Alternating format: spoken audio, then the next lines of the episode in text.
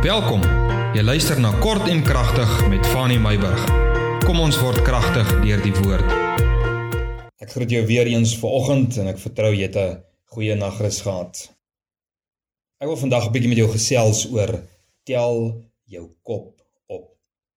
Wees soos wat ek gister gesê het dat ons het die voorreg gehad om laasweek 'n bietjie daar in die Noord-Kaap te wees, om bietjie by familie en vriende te kon kuier en ek het die voorreg gehad om met een van my familieooms te kuier toe ons by my ouers dan nou daar in Keimoes was. En hy het vir my iets moois gesê uh wat sy predikant eintlik eendag vir hom gesê het. Nou sy predikant het vir hom gesê: As kind van God is jy 'n koning. Moenie jou kop laat sak want jou kroon gaan afval. Tel jou kop op. Jy weet om jou kop te laat sak spreek eintlik onder andere van drie dinge daar daar sekerlik nou meer as 3 dinge, maar daar drie gedagtes by my opgekom waarvan om jou kop te laat sak spreek. Of jy laat sak jou kop as 'n teken van uh nederigheid en onderdanigheid byvoorbeeld aan God as jy dan nou sou bid. Ek dink maar net daarso 'n openbaring waar hy spesifiek praat van die ouderlinge wat voor God neergeval het en baie ander godsmanne en selfs die volk wat voor God neergeval het. En wanneer jy neerval dan val jy mos nou op jou knieë byvoorbeeld neer met jou kop na onder toe. Jy laat sak jou kop. Of dan nou jy laat sak jou kop in skaamte. Ek sien dat um, in Esra byvoorbeeld hoe die volk en hoe uh hoe die profeet oor die sondes van die volk sy kop in skaamte laat sak het skaam teenoor die Here. Of 'n mens laat sak jou kop as gevolg van 'n teken dat jy oorwin is deur sekere uitdagings van die lewe. Nou daar is baie dinge in die lewe wat maak dat ons ons koppe laat hang.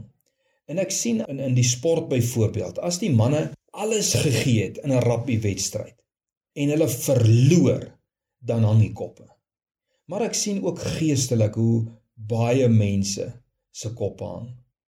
Baie se koppe hang want die uitdagings van die lewe het vir hulle swaar geword die geveg in hulle denke is so hewig dat hulle nie hulle koppe eenvoudig regop kan hou nie. Hulle dra soveel laste van die lewe in hulle koppe dat dit vir hulle te swaar is om hulle koppe op te tel. Jy weet ek het so las in my hart as ek die swaar kry en elende van mense sien. Die dinge waarmee mense battle die gesukkel om kop bo water te hou, die geestelike en emosionele houe wat die lewe en die Satan hulle mee bygedam het oor die jare of die afgelope jaar of gedurende omstandighede, 'n siekte, elende.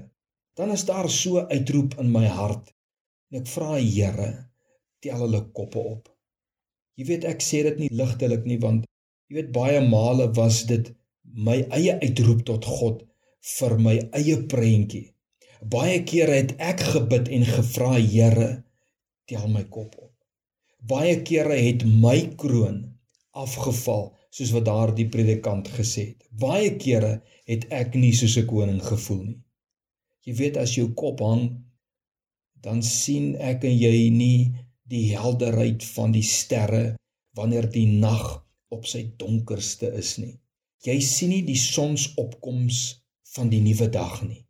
Jy sien nie die beweging van die blare as jy dink daar is nie eers 'n briesie om die ergste hitte te breek nie.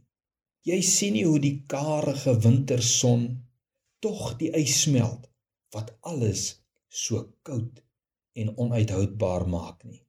Jy sien nie dat die dag besig is om verby te gaan nie. En jy sien ook nie raak dat as hierdie dag verbygaan dat daar 'n nuwe dag kom nie. En weet jy wat vriend en vriendin dis nodig dat jy jou kop sal optel. Ek verstaan nie jou spesifieke prentjie nie. Maar in die gees kan ek sien waar jy jouself aanbetref. 'n Kop wat hang. Ek sien dat die kroon van jou kop wil afval. Ek sien daar is elende wat jou vasdruk.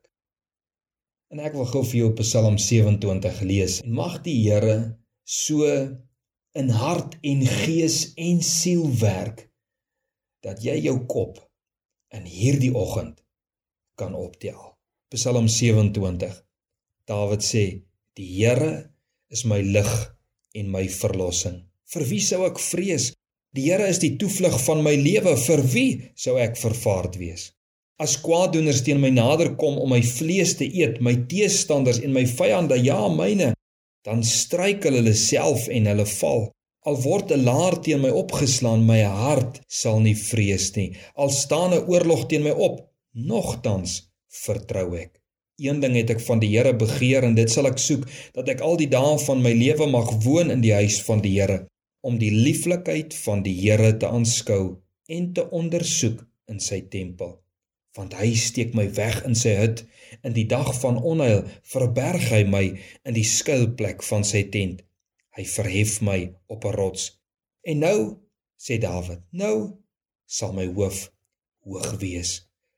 My hoof sal hoog wees bo my vyande rondom my en ek wil in sy tent, in God se tent, wil ek offerandes offer saam met trompetgeklank. Ek wil sing, ja, ek wil psalms sing tot eer van die Here, ten spyte van sy vyande sê dit. En nou, hoor o Here, ek roep hardop en wees my genadig en antwoord my van u sê my hart soek my aangesig sy hart sê vir hom soek die aangesig van die Here En dan antwoord Dawid, hy sê ek soek U aangesig, o Here. Kind van die Here, soek die aangesig van die Here. En dan vra hy, Here, verberg U aangesig nie vir my nie. Wys tog U knegg nie af in toore nie. As U vir my kwaad is, moet my nie wegwys nie. Want erken Dawid, hy sê U was my hulp, verstoot en verlaat my nie o God van my heil, want my vader en my moeder het my verlaat, maar die Here sal my aanneem. Ek het rede om my kop op te tel. Vers 11: Here, leer my u weg en lei my op 'n gelykpad van wie my vyande. Gee my nie oor aan die begeerte van my teestanders nie, want valse getuies het teen my opgestaan en hy wat geweld uitblaas. O, as ek nie geglo het dat ek die goedheid van die Here sal sien in die land van die lewendes nie. Wag op die Here. Wees sterk en laat jou hart sterk wees. Ja, wag op die Here. Met hierdie psalm stuur ek stuur ek jou verder in hierdie dag. En as jy jou kop laat hang vandag, as jou kop hang, as jy met 'n hangkop gaan slaap het, vat Psalm 27. Lees dit weer. Alles wat mooi is. Tot môre.